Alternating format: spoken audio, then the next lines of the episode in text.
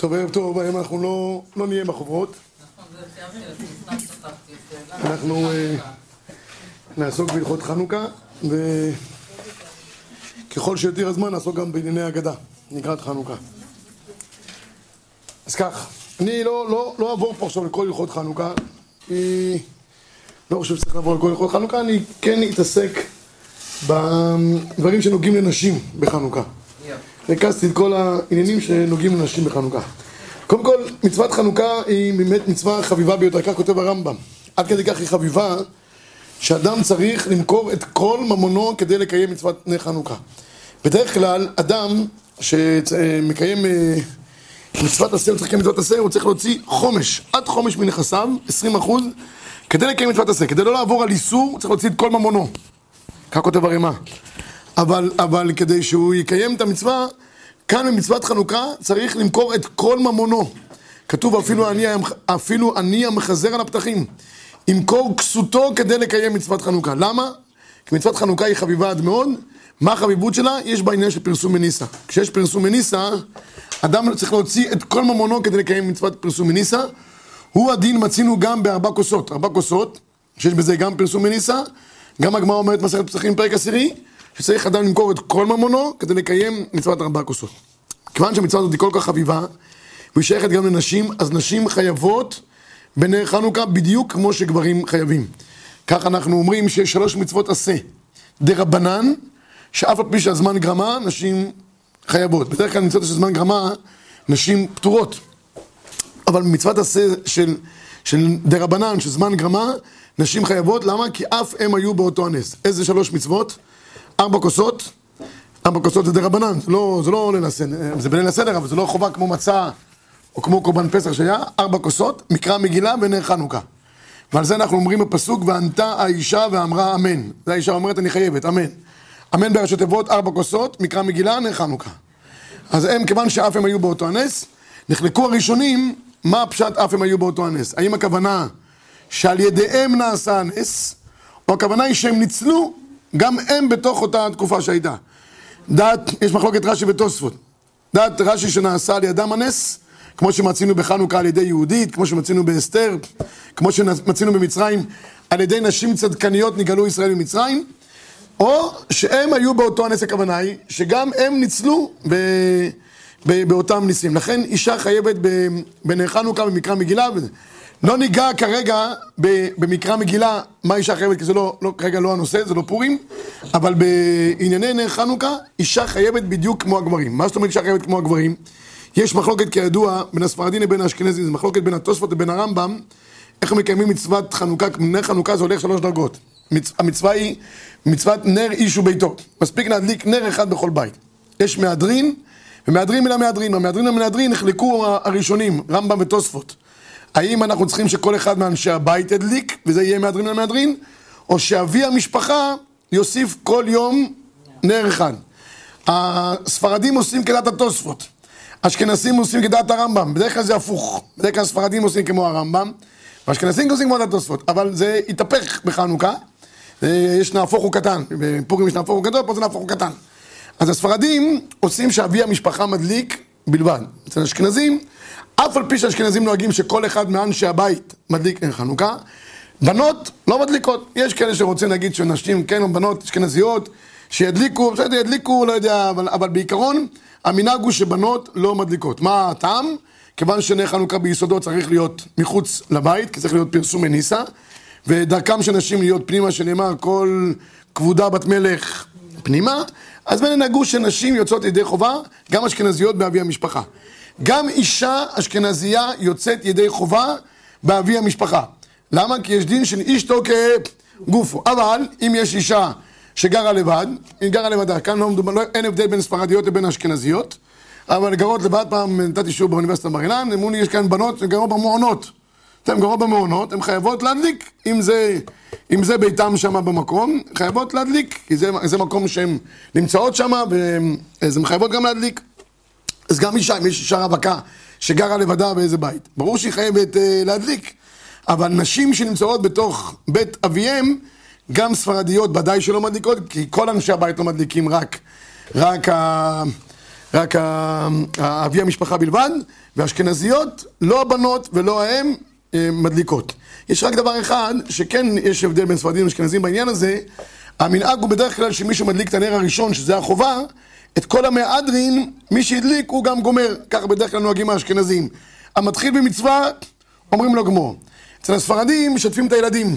הילדים, כיוון שהם מסכנים, הילדים הם לא מדליקים נאות חנוכה, הם צריכים לצאת ידי חובה באבא שלהם, אז ילדים שהגיעו לחינוך, מגיל חמש, שש, כבר ילדים פיקחים, מבינים עניין, אז הספרדים מאפשרים לילדים הקטנים שהגיעו לחינוך להדליק את שאר החנוכיות. גם בנות שהגיעו לחינוך רוצות להיות שותפות, בדרך כלל יש מריבות, כל אחד הזה, רואים שזה, אז אפשר לתת להם גם, אין בעיה. בטח שהיא יכולה להדליק את השמש, אפשר להגיד את מדליקה את השמש, זה... הגן סמייסה. בסדר שהשמש היום הוא מיותר, מבחינת הדין היום לא צריך לשים שמש. השמש נועד לזה שאם פתאום אה, אה, אה, צריכים להשתמש לאור הנרות, אסור להשתמש לאורם, אז משתמשים לאור השמש. היום כיוון שיש לנו אבוקות בבית, יש לנו מנורות, לא צריך, אבל בכל אופן המנהג הוא לשים את השמש, בטח אם יהיה הדלקת, הפסקת חשמל, צריך את השמש, אבל בעיקרון, אם בת ספרדיה רוצה להדליק את שאר הנרות שהם נרות המהדרין, אפשר לאפשר לה, לא, לא צריך להילחם איתה, להגיד לה, לא, בנות לא מדליקות, למה לא? בנות גם שייכות בנר חנוכה, אין בעיה.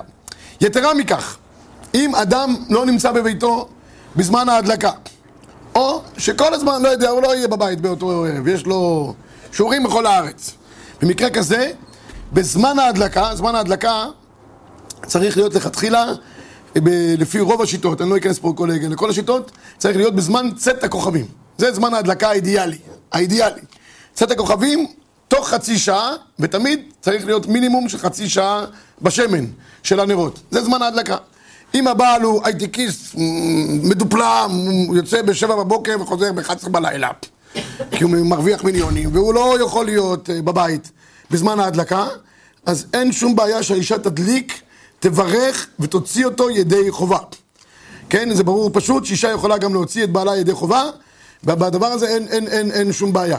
אם הבעל מתכוון לא לצאת ידי חובה אה, אצל אשתו, כי לא, הוא לא, לא, בסדר, אז כשהוא חוזר, שידליק. אבל בעיקרון, אישה יכולה להוציא את בעלה ידי חובה בהדלקת נר חנוכה. בסדר? אז אם, אם הבעל רואה שהוא מתאחר, והוא לא מגיע, והוא רוצה שהאישה תדליק בזמן, ומן הראוי להדליק בזמן, ולהדליק בזמן בימים האלה זה קשה מאוד. מי חוזר מהעבודה הנורמלית בשעה חמש, פלוס, פלוס, פלוס מינוס זה חמש, קצת הכוכבים. אז אם הוא רוצה שאשתו תדליק ותוציא אותה ידי חובה, היא יכולה להדליק ומוציאה אותו ידי חובה. אישה יכולה להיות שליח להדליק נרות. יש אחד, אה, לא יודע, שכן, הוא נוסע, לא יודע, זה, לא יכול עכשיו להדליק, יכול לבקש מהשכנה, תכנסי בזמן ההדלקה, את השליחה שלי, תדליק את, החנוכיה, ואישה יכולה להיות גם שליח להדלקת נרות, כמו שאיש יכול להיות שליח לאישה. אישה יכולה להיות שליח לאיש, אישה יכולה להיות שליח לאישה, אין בעיה בדבר הזה. יש כן רק קצת דיון, שמלכתחילה מי שמוצאים אותו ידי חובה, צריך לעמוד בזמן ההדלקה סמוך לנרות, כי יש, למעשה, הבר כותב שישנם שני מצוות בחנוכה. יש מצוות הדלקת הנר, ויש מצווה להודות ולהלל לקדוש ברוך הוא. זה מתחלק גם בברכות. הברכה הראשונה להדליק נר של חנוכה, או להדליק נר חנוכה, והברכה של על הניסים ושהחיינו ביום הראשון, זה על ההודעה על הניסים שהיו לנו. כדי לייצא ידי חובה על ההודעה, צריך להיות נוכח בשעת מייסה, בזמן ההדלקה. לכן מן הראוי תמיד שמדליקים, שכל בני הבית יתקבצו, וישמעו את הברכות, ויצאו ידי חובה גם על ההדלקה וגם על ההודעה. אבל אם בכל אופן אה, הבעל אה, לא נמצא, לפי רוב השיטות, בסופו של דבר הוא יוצא ידי חובה, ידי חובת כל הברכות כולם, מה שהדליקו בביתו, אשתו בזמנו, הוציאה אותו ידי, ידי חובה. זה בעניין הדין הזה של הדלקת... אה, אם הוא, בלי ברכה אפשר להדליק את כל החנוכיות של העולם.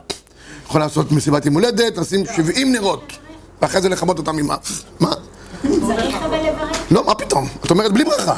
אם הוא יצא כבר ידי חובה בביתו, הוא לא יכול אחרי זה להדליק עוד פעם מברכה. אם, הוא לא התכוון לצאת ידי חובה, זה סיפור אחר. אבל באופן עקרוני, אם הוא לא התכוון לא לצאת ידי חובה, ואשתו, שהיא כגופו, מדליקה בזמן הדלקת נרות, היא הוציאה אותו ידי חובה. בין ספרדים, בין אשכנזים.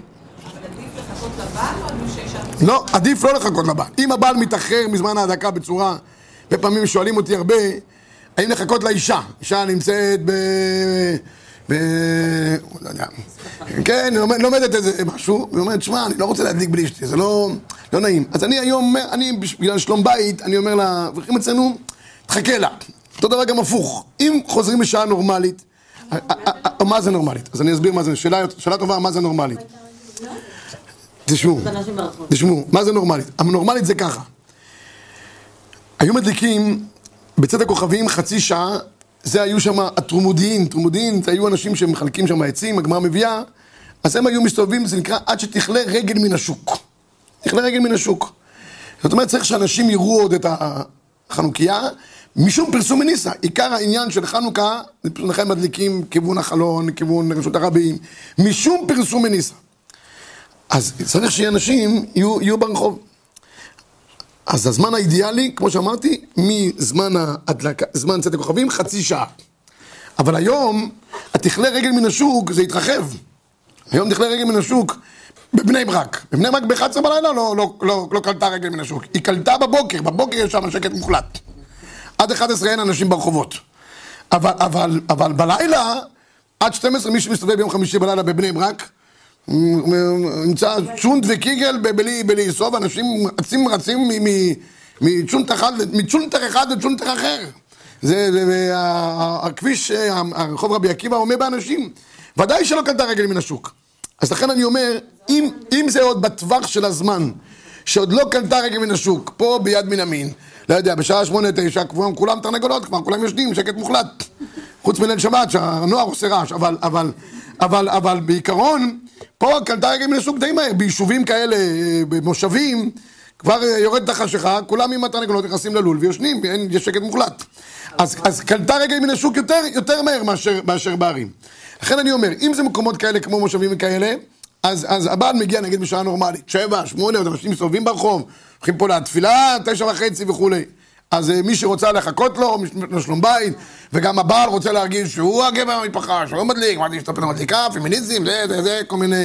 אה, זה, אז ש, ש, שתחכה לו בסבלנות, וכן, וכן אני אומר להפך, אם האישה חוזרת, לא יודע, מאורות או מהמכללה, שרוצה גם להיות שותפה, בסדר גמור. אבל אם רואים שהבעל הולך לחזור בשעה מאוד מאוחרת, אז במקרה כזה, מן הראוי, ואני אומר לכם, זה כאילו קשה קצת, כן? כי מה, אישה מדליקה לבד, והבעל לא מדליק, כל מיני... לא, אם, אם, אם האישה מדליקה במקום הבעל בבית, היא מוציאה אותו ידי חובה. נקודה. בסדר? אם הוא יתכוון. היא מתכוונת להוציא. לא, אם הוא יתכוון לצאת. ברור, אם, לא אם, להגיד אם. אם הוא לא התכוון, אם הוא לא התכוון לא לצאת, הוא יצא. הוא צריך להתכוון באופן מיוחד לא לצאת ידי חובה. אבל סתם אישה שמדליקה בבית, מוציאה את בעלה אוטומטית ידי חובתה. כמו, כמו כן להפך. האישה שלא הייתה בבית, הבעל הדליק, הוציא אותו ידי, הוציא אותה ידי חובה ונגמר העניין. טוב, זה בנקודה הזאת של, של להוציא ידי חובה, אה, גברים נשים. אני רוצה לגעת בעוד נקודה אחת, אה, לגבי העניין של אה, אה, מלאכה. מלאכה ב, לפ, לפני הדלקת נרות ואחרי הדלקת נרות. קודם כל, לפני הדלקת נרות, כמו כל מצוות עשה דאורייתא מדאורייתא או דרבנן, לא עושים מלאכות לפני שמקיימים את המצווה. ברגע שעושים את ה... הגיע הזמן המצווה, אסור לעשות מלאכות. איזה מלאכות? אסור לאכול סעודת קבע, אסור להסתפר, אסור ל... יש כמה דברים שחז"ל מנעו אותם, לא עושים מלאכה עד שעושים את, ה... את המצווה. אז ברגע שהגיע זמן המצווה, דהיינו נגיד קצת הכוכבים, חצי שעה קודם כבר צריכים להימנע מ... אז האישה לא תתחיל עכשיו לפני, לפני הדקת נרות, היא החליטה לעשות חלות. יום חמישי, עושה הפרשת חלה, צדקס, יאללה, כל המטבח על הגלגלים. זה, לא, חכה להדלקת נרות, וחצי שעה אחרי כן היא גם לא תעשה מלאכה. הגדירו איזה עשיית מלאכה אישה לא עושה אחרי הדלקת נרות, כמו מלאכות שלא עושים בחול המועד. זה, ה, זה ההגדרה. בסדר? כביסות, וזה, הרי נשים לא יושבות רגע אחד בשקט בבית, ועוד חודש, זה מתחילה עכשיו ל... לא. חצי שעה תשב במנוחה. שהם בשקט, לא תעשה מהומות, ותהנה מאור הנרות. יש קדושה של הנרות, ישירו, כמו צור, לא יודע מה, שאוכלו סופגניות, ספינג'ים, מה שאוכלים, כל אחד עם הזה שלו, וישבו במנוחה חצי שעה אחרי, אחרי הדלקת אה, הנר. זה, זה בעניין הזה של, ה, של המלאכות. אה, עוד נקודה אחת שניגע בה, בעניין הזה של, אה, של נשים בחנוכה, יש, יש עוד עניין של דיון לגבי עניין של ההלל בחנוכה לגבי נשים. דנו בזה הפוסקים, אבל אנחנו מנהגנו בסופו של דבר שנשים כן יכולות לומר גם הלל בחנוכה, אה, אין בזה, אין בזה שום אה, עניין. יש דיונים בפוסקים, לא ניכנס לזה כרגע, אבל בכל אופן זה, זה, זה העניין. טוב. יש זמנים שנשים לא אומרות הלל? יש, יש דיונים בפוסקים לגבי העניין של ההלל. אבל בלי ברכה, נכון? בחנוכה אומרים עם ברכה. חנוכה אומרים הלל השלם. אומרים הלל שלם, כולל הכל, מתחילתו ועד סופו. כן, יש דיון בפוסקים, אני כרגע לא רוצה להיכנס לזה, כי זה סתם מסתבך את העסק יותר. מה? ספרדיות לא עם ברכה. ספרדיות זה סיפור שלם, הרב עובדיה והרב אליהו והרב ניצן בשאול. אני לא אכנס לסיפור הזה גם, כל אחד תעשה כמנהג אבותיה. בסדר? לא יודע מה כל אחד אה, פוסקת. הרב עובדיה אומר שלא, ויש אה, רוב הפוסקים הספרדים אומרים שכן, וכל אחד תעשה אה, כהווייתה. עוד נקודה אחת חשובה לגבי העניין של הנשים, שעלה לי בעניין של אה, לחנוכה, אה, כן, זה דבר חשוב.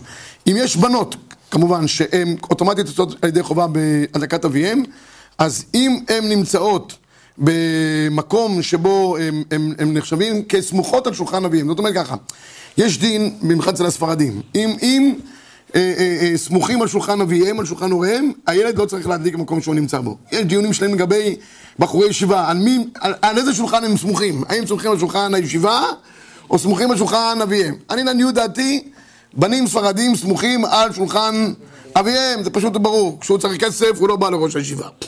וכשכואב לו הראש, הוא הולך הביתה, לא הולך לפנימייה. הבית שלו, שם הוא נקרא נסמך. ולכן יוצאים ידי חובה. אשכנזים, כל אחד מדליק במקומו הוא, אה, איפה מדליקים זה גם סיפור שלם. עכשיו, לגבי בנות, אותו דבר, אם יש בנות, כמו שאמרתי, בנות עצמאיות, שהן כבר לא סמוכות לשולחן, הן עובדות, והן לומדות, והן מכלכלות עצמן, אז הן מדליקות גם, חייבות להדליק. אם יש כמה בנות ביחד, יכולות להדליק חנוכיה אחת, כל אחת משתתפת איתה בפרוטה, או שלוקחת את הנר, מגביה, ויוצאת ידי חובה כולם ביחד. אם היא עוד נקראת סמוכה על שולחן, כמו בנות באולפנה למשל, או שהן עוד לומדות ב- ב- בלימודים גבוהים, אבל הן נקראות כמו בחורי ישיבה, סמוכות על שולחן אביהם, במקרה כזה, הן לא מדליקות במקום שנמצאות. יכולות להדליק בלי ברכה, זה אין בעיה, זה להדליק בלי ברכה, כל, כל אחד שידליק כמה שהוא רוצה, זה אין שום בעיה. עם ברכה, מי שסמוך נקרא סמוך על שולחן אביו, אינו מדליק. בסדר?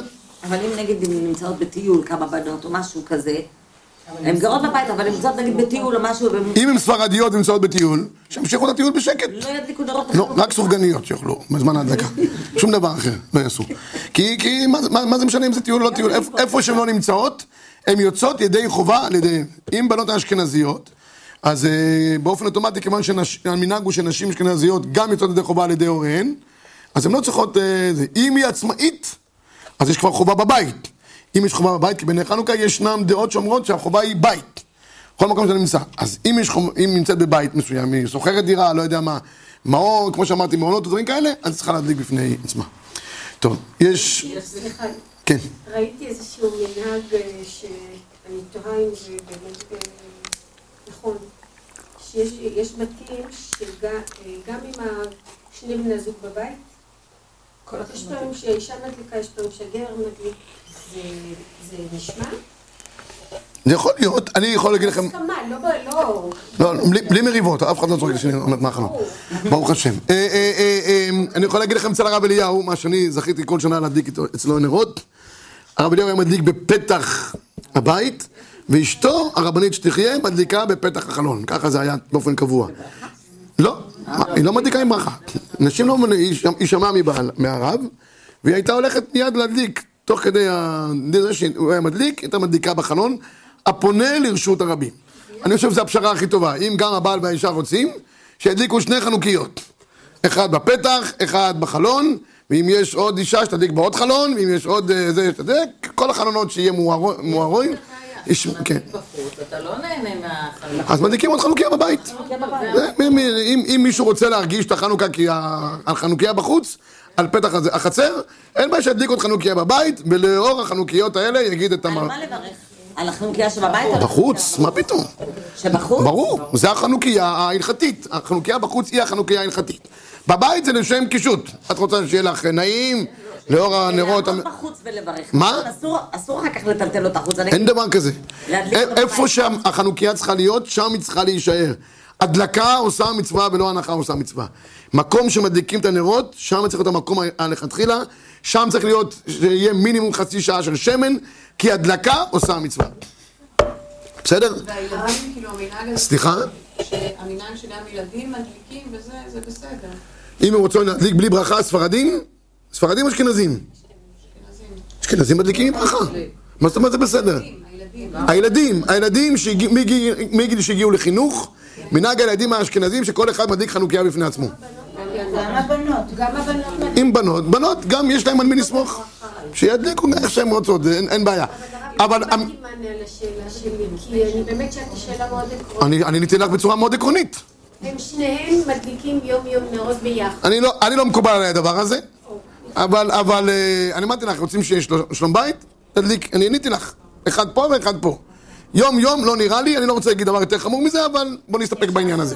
שאת הנר החדש הוא ידליק. מה, סליחה? שאת הנר החדש הוא ידליק ואחר כך היא תדליק. אם זה מה שעושה לה טוב, על הנשמה, שתדליק. אבל זה, זה כולם עושים ככה. לא, אני דיברתי על ברכה בנוכחותו. זאת אומרת, הוא נמצא, עניתי. בסדר, קיבלתי. אוקיי, עוד שאלות? אני הסתבכתי עם הסיפור של הילדים ושל האישה ושל ה... לא הצלחתי. שום סיבוך. שאתה שם את האשכנזים. אני רק אשכנזים. וילדים זה כולל בנות. רגע, אני, אני אגיד את ה... גילאים. בוא רגע, שנייה. אה, אני אגיד ככה. אישה אשכנזייה יוצאת ידי חובה בבעלה. זה ברור? היא לא מדליקה עוד חנוכיה. עד כאן בסדר? כן, ולא צריך שתי חנוכיות, חנוכיה גם בשבילה. למה אתם, למה אתם כאילו, למה אתם מתפרעים? יש, חנוכיה אחת, הבעל מדליק, מוציא את אשתו ידי חובה, אשתו כגופו, וזה העניין, וזה המנהג ונגמר העניין. עכשיו נעבור לילדים שיהיו בריאים. יפה. בנים ודאי מדליקים, אשכנזים, אני מקווה שרק אשכנזים. לבנים, הכל, כן? ילדים, אה, אה, ילדים, כל ילד אשכנזי מדליק בפני עצמו עם ברכה. מן הראוי שכל אחד ידליק במקום אחר, שלא יהיה מקבץ של חנוכיות ביחד, אלא כל אחד בחלון. אם יהיה אפשר שכמה ש- כמה שיותר שיהיה פרסומי ניסה, תבוא עליהם ברכה. עד כאן מצוין. יופי. עכשיו, ילדים קטנים רוצים גם, אה, שלא הגיעו לחינוך. אני מדבר ילדים, מי שהגיעו לחינוך, נוהגים שהם מדליקים? חמש, שש, תלוי בפיקחותו של הילד. אם הוא כבר מבין עניין, יודע מה זה חנוכה, אוכל את הסופגניה עם הריבה, הוא כבר מבין עניין. אז הוא כבר צריך להדליק עם ברכה. בסדר? הוא מבין עניין. טוב.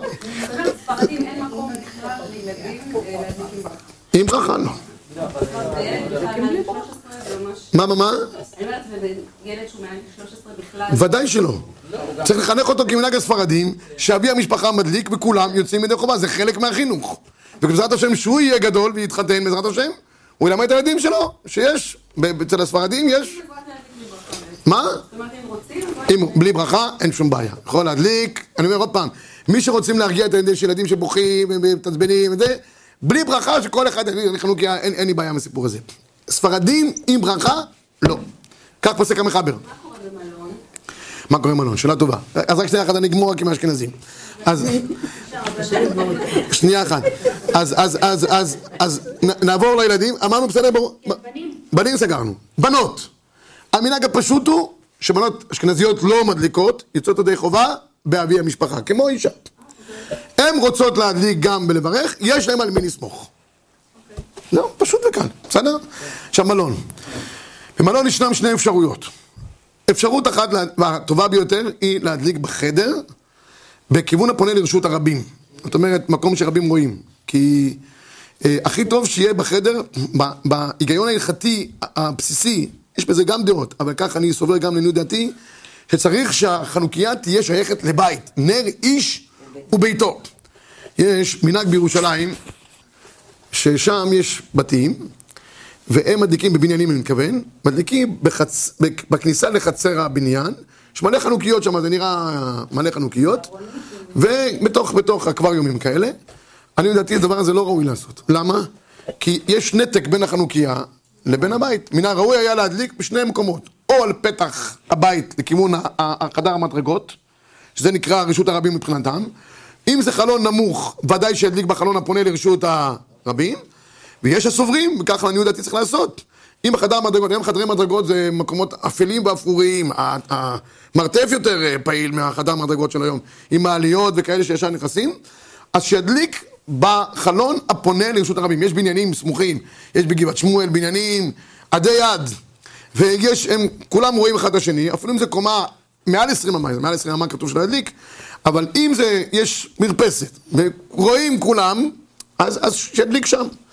זה הדבר הראוי לכתחילה עכשיו. גם ב, במלון, כיוון שהוא שוכר את החדר מה, מהבעל הבית, החדר הוא שלו, אז מן הראוי יהיה להדליק במרפסת. אלא מה? בתי המלון לא מאפשרים להדליק, ויש כאן בעיה, יש כאלה אפילו שחששו שיש פה מצווה הבאה בעבירה וכולי, אז התחליף לדבר הזה להדליק בחדר האוכל.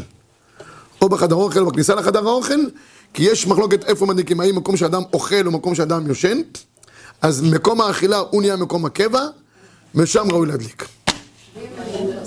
ואם, ואם מה? אני אומרת, קראתי באחד מעלוני השבת, שהנושא הזה שזה צריך להיות בחדר, ואם לא בחדר אז בחדר אוכל, ויש מקומות שהבית מלון מחליט שבלובי, במקום שהוא מרוחק מחדר אוכל, שם כולם באופן מרוכז מדליקים, ואז מה שהוא אמר, שעדיף להדליק בחנוכיה אלקטרונית. ש- שיהיה ברור לחלוטין, אין הדלקת נרות חנוכה בהדלקות אה, אלקטרוניות. אין דבר כזה לכל הפוסקים ולכל הדעות. לא יודע איזה אלון קראת, אה, אני מקווה שזה אורתודוקסי, אבל אה, אה, אה, אם, על פי ההלכה הפשוטה, אין הדלקת נרות, לא.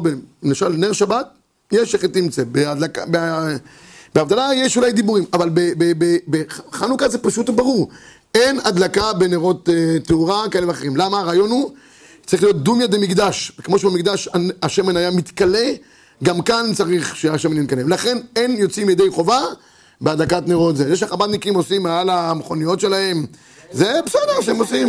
זה פר- פרסום מניסה, לפרסם את חב"ד, לפרסם את הזה, זה בסדר גמור. אין ברכה על דבר כזה, בסדר?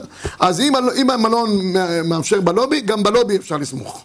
למה? כי זה כניסה וכולי, אה, באופן כזה או אחר, בלית ברירה. אפשר, אפשר, אני חושב שמי ש... אם המלון לא אומר שלא, אם המלון אומר שלא במפורש זה בעיה. אם המלון לא אומר שלא, לוקחים עוד פעם את האקווריום הזה במרפסת, אם בתוכו, מחכים שם חצי שעה, אחרי חצי שעה מותר לכבות. לא צריך לחכות עד שיתכלה כל הנר. זה שבת. שבת, זהו. לא הבנתי. היא מדברת על סתם יום. סתם יום. שבת אסור ל- ללחמות, לא. כמו שלא יצא בו תקלות. האלון הזה כנראה המשיך שגם בשבת מותר לכבות, אני לא מכיר את האלון הזה.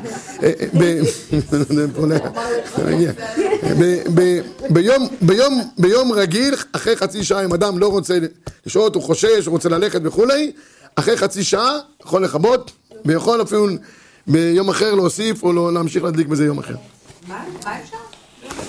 אם נשאר לו שמן מיום קודם, יכול להמשיך את זה ליום האחרון. בסדר, ביום השמיני עושים את המדורה, כן. טוב, עד כאן, עד כאן אה, החלק ההלכתי. עכשיו נגמור את החלק האגדתי. אם יהיה זמן, נגיד לכם עוד חלק, לא יהיו פרטים של החלק הנוסף, אבל אני לא, לא חושב שיהיה זמן.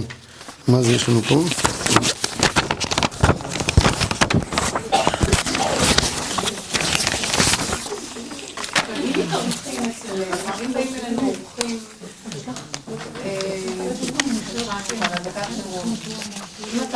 האורחים האלה בסוף יעזבו אתכם או שיתקעו אצלכם? מה מה מנהגם? שעתיים שלוש שידליקו אחרי זה בבית שלהם. שלא ידליקו איתנו? ידליקו אתכם לידכם, אבל לא שידליקו נרות. שישירו, שיכולו את הזוגיות, אבל שלא... יש פה עוד דפים.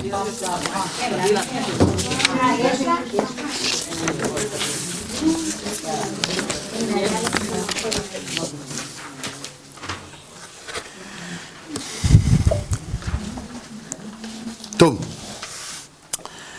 אמ, התחלנו את השיעור הזה? לא התחלנו אותו? אני לא זוכר. התחלנו. אז אני אסיים אותו היום, בעזרת השם. הגענו לתהילים.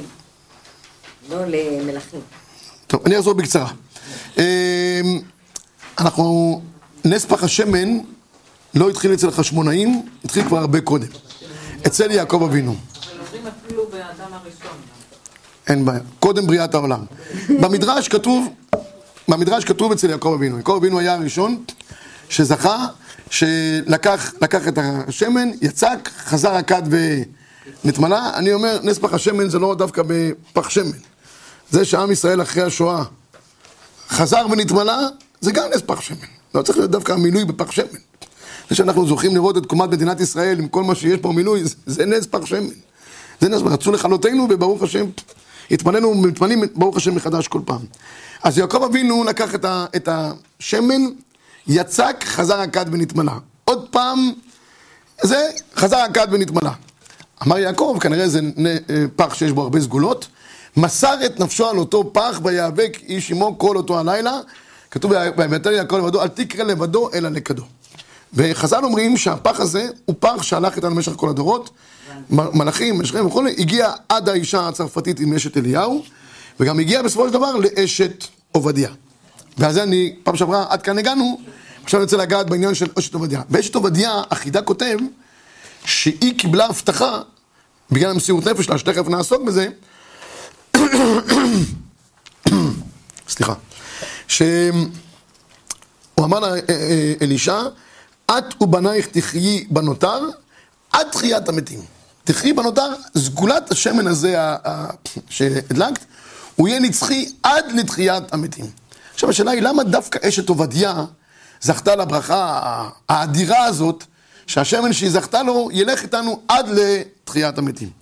כדי להבין את זה, ולהבין גם מתוך זה איך זה קשור, מה שקרה עם אשת עובדיה ליעקב אבינו, ואיך זה קשור לחשמונאים, כי החידה כותב שזה גם היה עניין החשמונאים, שהראו נפשם על קידוש השם, וזו אותה בחינה שהיה אצל יעקב, גם אצל אשת עובדיה וכולי.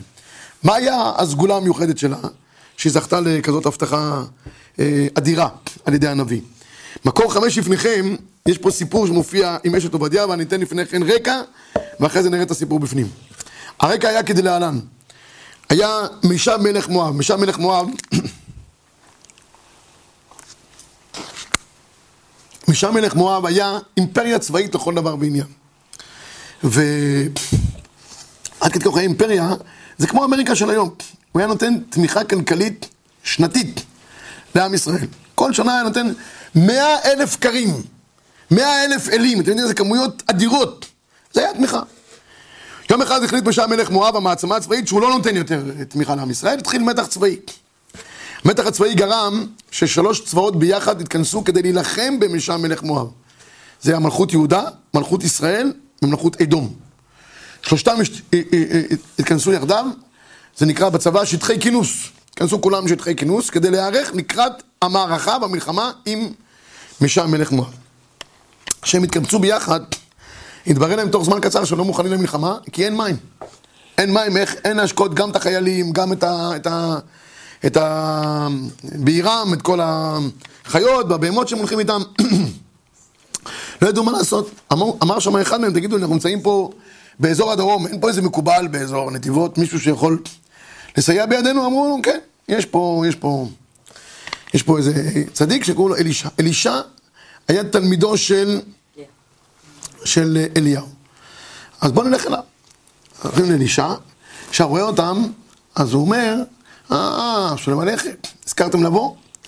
הם היו הולכים כל פעם לנביאי הבעל. נביאי הבעל זה העיתונאים של היום. מנתחים, פרשנים, אומרים מה יהיה, קשקשים, הם צריכים להתפרנס, לא, אנחנו, אנחנו לא תמיד צריכים להיות אשמים, צריכים לשמוע את הכל. זה להתפרנס, לא רוצה להפריע להם פרנסה. אבל הם, הם ככה, זה נביאי הבעל. אה, אז אומר להם אה, אלישע, פתאום נזכרתם לבוא אליי, שהוא היה נביא, נביא אמת, אבל הוא אמר שם, אני לא יודע, למלך יהודה, אתה צדיק, בשבילך אני אגיד לך מה יהיה. אין לכם מה לדאוג, אתם תנצחו במלחמה, ומחר יהיה לכם גשמים שירדו מההרים, יהיה לכם שטף מים רבים, ותוכלו להשקות אתכם ואת בירכם, והכל יהיה כדבעי. טוב, מצוין, עם ההבטחה הזאת הם חזרו חזרה לכוחות. באמת ככה היה, למחרת בבוקר היו עננים, ירדו מים רבים מההרים, מהרי אדום, והיה להם את האפשרות להשקות את כל הצמאים. מה שקרה, תוך כדי ירידת המים, אה, זה היה, בבוקר, אז קרני השמש נשברו בתוך המים, והיה נראה מרחוק לצופים של המודיעין של משם מלך מואב, שזה צבע, צבע אדום. מה הסיק משם מלך מואב? הוא אמר, אה, בטח, היהודים נמצאים שם כמה זמן ביחד, מה הם עושים אחרי כמה זמן? מתחילים לריב. אז מסתום איזה דם שיש שם. הוא אמר, זה הזמן לפתוח במלחמה. נפתחה המלחמה, ואז התברר לו תוך זמן קצר שהוא לא מצליח לעמוד במערכה, ושם מלך מואב. אימפריה צבאית, הוא לא מצליח לעמוד במערכה, ואז תראו מה שקורה. מקור חמש לפניכם. וירא מלך מואב, כי חזק ממנו המלחמה, ויקח אותו 700 איש שולף חרב להבקיע אל מלך אדום, ולא יכולו. הוא לוקח את ה-700 איש, שולף חרב, הכוונה היא את הסיירת שלו, את המטכ"ל שלו הוא לוקח. והוא מנסה איתם לפקוע את החומה, ולא יכולו, הם לא מצליחים. מה הוא עושה? ויקח את בנו הבכור אשר ימלוך תחתיו, ויעלהו עולה על החומה, ויהי קצב גדול על ישראל, וייסעו מעליו וישבו לארץ. מה כתוב כאן? הוא לוקח את בנו הבכור, אשר ימלוך תחתיו, הוא מעלה אותו על החומה, מולך. הוא עושה עבודה זרה שנקראת מולך. אבל הקטע הבא מאוד תמוה, ויהי קצב גדול, אתם יודעים כמה קולמוסים נשברו על התחביר בפסוק הזה, שהוא בלתי מובן לחלוטין? הוא לוקח את בנו הבכור אשר ימלוך, הוא מטורף לגמרי. את כל העתיד שלו הוא שם על גבי החומה. אז ויהי קצב גדול על ישראל, מה, מה, מה עשו ישראל שהמטורף הזה לוקח את בנו הבכור ושם אותו על החומה? תימה אדירה. כדי להבין את זה, מה שהתחולל פה, הפסוק הבא הוא כנראה המענה. פסוק א', ואישה אחת מנשי בני הנביאים צעקה אל אלישע לאמור, עבדך אישי מת. ואתה ידעת כי עבדך היה ירא את השם, והנושה בא לקחת את שני ילדיי לו לעבדים. מה שקורה פה, אז אישה אחת מנשי הנביאים, היא כנראה נתנה את המענה. איך היא נתנה את המענה? תראו בבקשה, במדרש תנחומה במקור 6. מקור 6 כתוב ככה, רבי נחוניה בן הקנה אומר, צדקה תרומם גוי, אלו ישראל. חסד לאומים חטאת, חסד שאומות העולם עושים, חטאת הוא לישראל. מי אתה למד? מנמשה מלך מואב, שנאמר, מנמשה מלך מואב היה נוקד. מה הוא נוקד? רואה. והשיב למלך ישראל מאה אלף קרים ומאה אלף אלים צמר. מהו אלים צמר? רבי אבא בר כהנא אמר, פרובותיה. מה עשה? זה היה כאילו מיסים כאלה. מה עשה? כינס כל אסתרגולין שלו, אמר להם, לית אתון אמרו לי מאנדנו. אני אסביר את זה ישר בעל פה. תראו, הוא משם מלך מואב, הפסיק את התמיכה בישראל, והוא רואה שהוא לא מצליח במלחמה. תוך כדי הלחימה, לוקח את כל אלופי הפיקוד שלו, את כל האסטרגולים שלו, שם אותם בבור בקריאה. אומר, תשמעו רבותיי, אני חייב לשאול אתכם משהו. משהו פה לא ברור לי. אני מעצמה צבאית. כל מקום שאני עושה מלחמה, אני מנצח. אבל היהודים האלה, אני עושה איתם מלחמה, אני לא מצליח לנצח אותם. הוא אומר להם ככה בתסכול, אבל כדבן קרבה עם יהודיון, ניצחו לי. כשאני עושה איתם מלחמה, הם מנצחים אותי, תסבירו לי מה העניין. מחייכים לו שם כל הסגל הפיגודי, אומרים, תשמע חבוב, כל מלחמה שאתה עושה עם, עם uh, צבא אחר, זו מלחמה סימטרית. המלחמה עם ישראל היא מלחמה אסימטרית. מה זאת אומרת? היא מלחמה שלא באותו זה. למה? עם כולם זה מלחמה של כוח מול כוח. מול ישראל זה מלחמה רוחנית. זה לא מלחמה רק פיזית. תמיד אני נזכר שאני אומר את זה, שבזמן צוק איתן, באמצע הקרבות שם בעזה, נפל אחד החיילים השם ייקום דמו, ובסוף השבעה ביקשו ממני לבוא לדבר, והיה שם אחד מהאלופים שהיה שותף במלחמה. אז אני, אני דיברתי על התערותא דלתתא, התערותא דלעילא. כשהוא עלה לדבר, אז הוא אומר, אני רוצה להמשיך את קודמי. הוא אמר שזה מעניין מאוד, הוא אומר, אתם חושבים שהמלחמה עם החמאס זה רק מלחמה פיזית. כמה טילים הם צריכים לזרוק תוך דקה, תוך שתיים, תוך זה, כמה, כמה כיפת ברזל מצליחה ליירט. הוא אומר, רבותיי, זה לא רק זה. יש פה גם מלחמה רוחנית. הוא אומר, תבינו, צריך לתפוס את הראש שלהם. הם נלחמים בשם... והם נלחמים מלחמה רוחנית. הוא אומר, אתן לכם ראיה. ראיה למה שאמרנו קודם על התערותא דלתתא התערותא דלעילא. כששאלו את דובר החמאס, בתחילת הלחימה, ומה אתה אומר על ההתפתחות של המלחמה? הוא אומר, הכל תלוי בשהידים שמוכנים למסור את נפשם על קידוש הזה, מה שיהיה פה למטה ייקבע שם למעלה. אתם שומעים, זה כמעט, לא נעים להגיד, קבולה. זה כמעט הוא אומר דברי כוונה. הוא אמר דבר מדהים, לא שמתי לב לזה אף פעם. הוא אומר, לכם, המנהרות זה לא רק טקטיקה צבאית לצאת פתאום באיזה, השם ירחם באיזה מקום. הוא אומר, המנהרות זה החיבור שלהם לאדמה. הם מחוברים לאדמה. והחיבור הזה, זה המוטיבציה שלהם להילחם עד כדי מסירות נפש. זה לא יאומן, הדברים הקטנים האלה. זה גם מלחמה רוחנית. צריך לתפוס את זה בצורה אחרת. זה מה שאמרו לו פה האסטרגונים שלו, דע לך, עם ישראל זה מלחמה גם רוחנית. הוא אומר, אם זה מלחמה רוחנית, אני רוצה לעשות פה חשבון.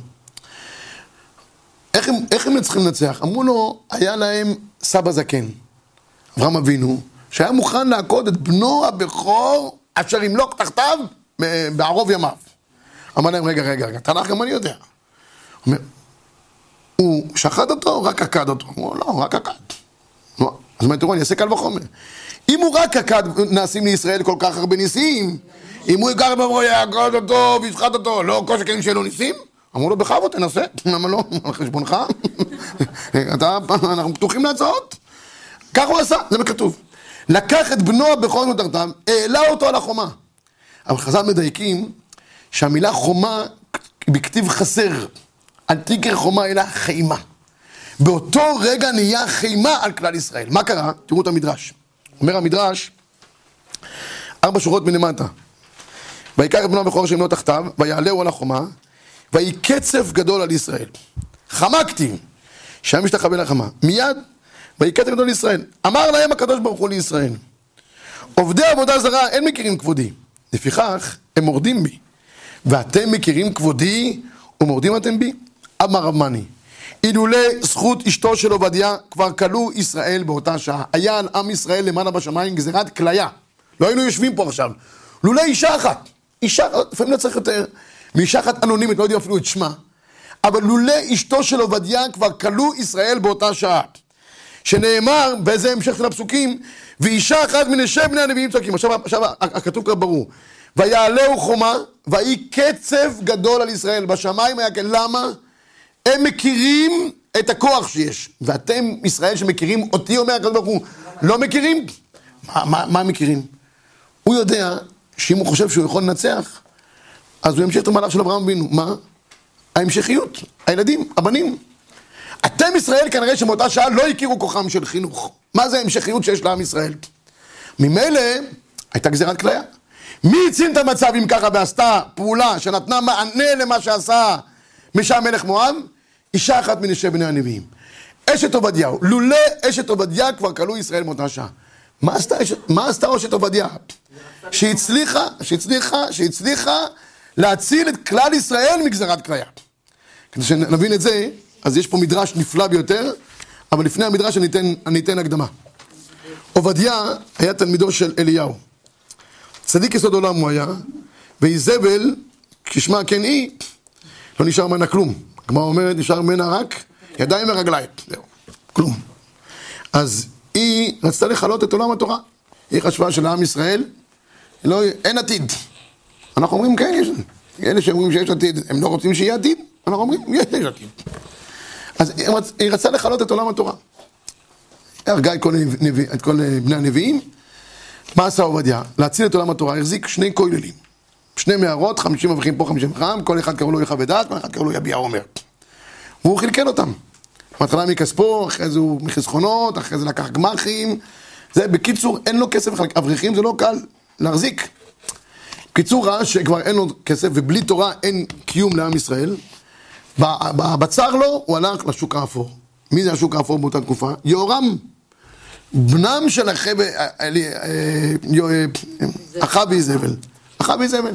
רק משני הורים כאלה יכול לתת כזה תכשיט כמו, יהורם. שוק אפור. הולך אליו, אומר לו, אני רוצה הלוואה. אומר לו, הלוואה? מאיפה תשלם לי? שמעתי שאתה כבר בחובות עד הצוואר.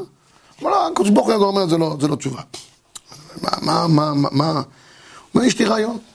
יש לי שני בנים. אם במידה ואני לא אפרע לך את החוב, שני בניי יהיו לך לעבדים. אומר יורם, אתה מוכן? שני בניך? לתת לי כפיקדון? הוא אומר, כן, אין ברירה, צריך להציל את עולם התורה. על המקום אומר לו יורם, קח כמה שאתה רוצה. אה, אין בעיה. פה אתה זה, תחתום פה רק על הסעיף הזה גם שנכניס בחוזה, הכל בסדר גמור. בין לבין עובדיה הלך לבית עולמו. לא פלא, כל כך הרבה חובות על הראש, לא החזיק מעמד. והמדרש מספר פה שלפני שהוא נפטר, היא באה אליו אשתו, אומרת לו, אתה עוזב אותי פה עם חובות עד השמיים. מה אני עושה? יש פסוקים, הוא אמר לה, אלמנותייך עליי תפתחו, יתומייך אני אחיה, יהיה בסדר. אמר לה, שלום שלום, הלך לבית עולמו ונגמר העניין. הגיע מועד הפירעון. דופק בדלת בבוקר אדון יהורם, אומר לאישה, יש פה שטר חוב שבעלי חייב לי כסף. אומרת לו, אין בעיה, כנס. מה שאתה רוצה אתה יכול לקחת. לא היה כלום בבית, ריק. הוא אומר, אני יודע שהכל ריק. תסתכלי פה על הסעיף האחרון. תסתכלי על הסעיף האחרון, יהיה לה חושך בעיניים. עובדיה חתם שאם לא יהיה פירעון, שני בניי לא לעבדים. אומרת לו, תשמע חבוב, אתה הגעת בבוקר, על פי השולחן ערוך בחושן משפט, מועד הפירעון תמיד בשקיע. בשקיע. תחזור בשקיע, אומר, עד השקיעה יהיה לך את כל הסכום שזה, עמדת, שמעת מה שאמרתי לך? זהו. קח את הטנדר של הבדואים, ברח משם. היה נראה כמו בדואי. מה היא עושה? היא הולכת לבית העלמין. תראו בבקשה מה כתוב במדרש. דבר אחר, בצד שני של העמוד, צעקה וצעקה 271 פעמים, שכן לאמור בגמטריה, והנושה בא לקחת את שני ידיי לא לעבדים. כיוון שהלכה לבית הקברות, לאן היא הולכת בצרתה? בית הקברות. היא, שני בניה אחריה, משתרכים אחריה לבית הקברות. נכנסה לבית העלמין, קוראת, ירא אלוקים! והיו כל המתים מתרגשים ואומרים, למי היא קוראת ירא אלוקים? ארבעה נקראו ירא אלוקים. אברהם נקרא ירא אלוקים, יוסף, עובדיה ואיוב. המתים עושים חשבון. אברהם לא יכול להיות, כי הוא והשטן יש לו כל מיני סכסוכים, הוא עוד רצה לעכב אותו בכל מיני מקומות. יוסף ודאי שלא יכול לחפש את יוסף, יוסף עסוק עם כל הביטוחים שהוא דורש מהאחים, מכרו אותו, זרקו אותו, קחו אותו, אתם כמה ביטוחי חיים שם צריכים להיות, כמה נזק נפשי, זה, זה, זה, זה. איוב, לא נדבר על הביטוחים שאיוב מגיע לו, בכלל, כולם, כולם עסוקים. היא אומרת להם, איני מחפש את מי שקראו בו ירא אלוקים מאוד. אחד נקרא, מי זה היה? עובדיה. עכשיו תראו מה שכתוב כאן. אמרה להם, איני קוראת אלא מי שקוראים בו ירא את השם מאוד. כיוון שהכירו בה שאשת עובדיה היא, הלכה ונטלה עפר, זרקה על ראשה, מתפלשת בעצמה, אמרה לו, בעלי, בעלי חובך מבקשים פרידתך, מה יהיה על זרעך? אמרת, אמרת לי, כך הבטיחני הקדוש ברוך הוא, עזבה יתומייך אני אחיה, אמרתייך עלי תבטחו, ועכשיו בניך הקדושים האח יגדלו בבית אחיו ואיזבל, זה מה שהיא זעקה שם. היא אומרת לו, עובדיה, איך יכול להיות? עזבת אותי חסרת כל, בסדר. אני לא, אין, אבל שני בניך הקדושים, האח יגדלו בבית אחיו ואיזבל. המשמעות היא שמבחינה רוחנית הם שמד טוטאלית בבית הזה. עומדת אישה, אומר המגיד מדובנה, במקור תשע, אומר, אין לה מה לאכול, אין לה מה ללבוש, אין כלום בבית. היא הייתה צריכה לצעוק, אני רעבה, אני חסרת קול, אני לא יודע. שום דבר. דבר אחד מעניין אותה. מה מעניין אותה? שני בניך הקדושים, זה מה שמעניין אותה. זה קטע אדיר, אבל תשמעו את הדבר השיא של המעמד הזה שם. בקטע הבא אחרי כן, זה, זה מדהים ביותר. אמ, ואף, ואף בניה פשטו ידיהם ואמרו, קבלנו אבא, קבלנו אבא. אתם יודעים מה זה חינוך? הם רואים את האימא משוועת לעזרה רק בנקודה אחת. אח שני בניך, שני ילדים שמשתרכים אחריה, אח יגדלו בתך זבל. זה חינוך. הם מבינים את גודל השעה, הם פושטים ידיהם, אומרים, קבלנו אבא, קבלנו אבא. כאילו שאנחנו לא נמות. גם אנחנו נמות, אנחנו נשארים פה. אנחנו לא הולכים. זה היה המשמעות של הדברים. כתוב מיד יצאה בת קול ואמרה, לכי אל אלישע, כיוון שראה אלישע, הכיר בה שמקבר בעלה באין, אמר כלום יש לאותו צדיק משהו בבית, אמרה לו לא. כלום אחרי משהו חיים, אמרה לו יש לי לחלוכית של שמן, אוקיי, שמן בכל העסק. על הלחלוכית של שמן שהתמלאו כל הכלים, אמר לה, שימו לב מה אמר לה אלישע. תמלאי את כל הכלים, תחזירי חזרה את החום, ואת ובנייך תחיי בנותה. עד תחיית המתים, אומר החידה. למה? אם היה גזירת כלל על כלל ישראל, כי לא היה אכפת מהחינוך של הילדים הטהור והקדוש, אישה אחת אנונימית, היה אכפת לה רק מהחינוך של הילדים, רק מקדושתם של הילדים. וזה היה משקל נגד מול הגזירת כליה שנגזרה על כלל ישראל בשמיים. לולי אשת עובדיה כבר כלו ישראל חלילה באותה שעה. ואישה, אני חייב לסיים, ואישה אחת מנשי בני הנביאים צעקה ועשתה את כל המהפך כולו. עכשיו זה מסתדר טוב מאוד עם יעקב אבינו. יעקב אבינו זכה למיטתו שתהיה מיטה, מיטה שלמה, 12 שבטים, 12 שבטי קה. מה, על, על מה זכה יעקב? דורשים חז"ל, אל תקרא לכדו, לבדו אלא לכדו. כדו ולבדו הולכים ביחד. מה היה בכד? שמן. שמן הוא נפרד משאר הדברים האחרים. יעקב מסר את נפשו על הלבדו. ויוותר יעקב לבדו. הלבדו הזה, כל אותו לילה, אומר הרמב"ן, בחשקת הגלות. בדברים, מצבים הכי קשים, הוא נאבק על הלבדו הזה. והלבדו הזה בא לידי ביטוי בלכדו הזה. יעקב את המסר הזה העביר, את השמן הזה, הסגולי, הרעיוני, העביר דור אחרי דור. אומר לו עשיו, אולי אני אלך איתך ביחד, אומר ליעקב, תודה רבה. ואני אתנהלה לי איתי לרגל המלאכה, שבנאי הוא לרגל הילדים, תודה רבה. לא רוצה שום כניסה עם עשיו. אם תשימו לב, דבר מדהים, אצל אשת עובדיה בנביא, כל פעם כתוב, ותסגור הדלת. ותסגור הדלת. היא יודעת לסגור את הדלתות מפני רוחות רעות שנכנסות פנימה לתוך אחרי הבית. זה הייתה סגולתה, וזה הנצחיות שיש לעם ישראל. אומר החידה, זה מה שהיה אצל גם אצל החשמונאים. אין לי ספק, אומר שזה השמן שמצאו החשמונאים בחנוכה, כי גם הם מסרו את נפשם רק על דבר אחד, על קדושת עם ישראל באופן נצחי. ולכן נר חנוכה זה נר איש וביתו. עיקר העניין זה הבית, לא רק האדם בעצמו שעושה את המצווה. כל המצוות אדם עושה בעצמו, זה מצווה שבגוף. בחנוכה זה לא רק נגמר בך, זה הבית, זה הסביבה, זה מהות סגולת נרות החנוכה. תמיד אני מספר את הסיפור, בזה אני אסיים.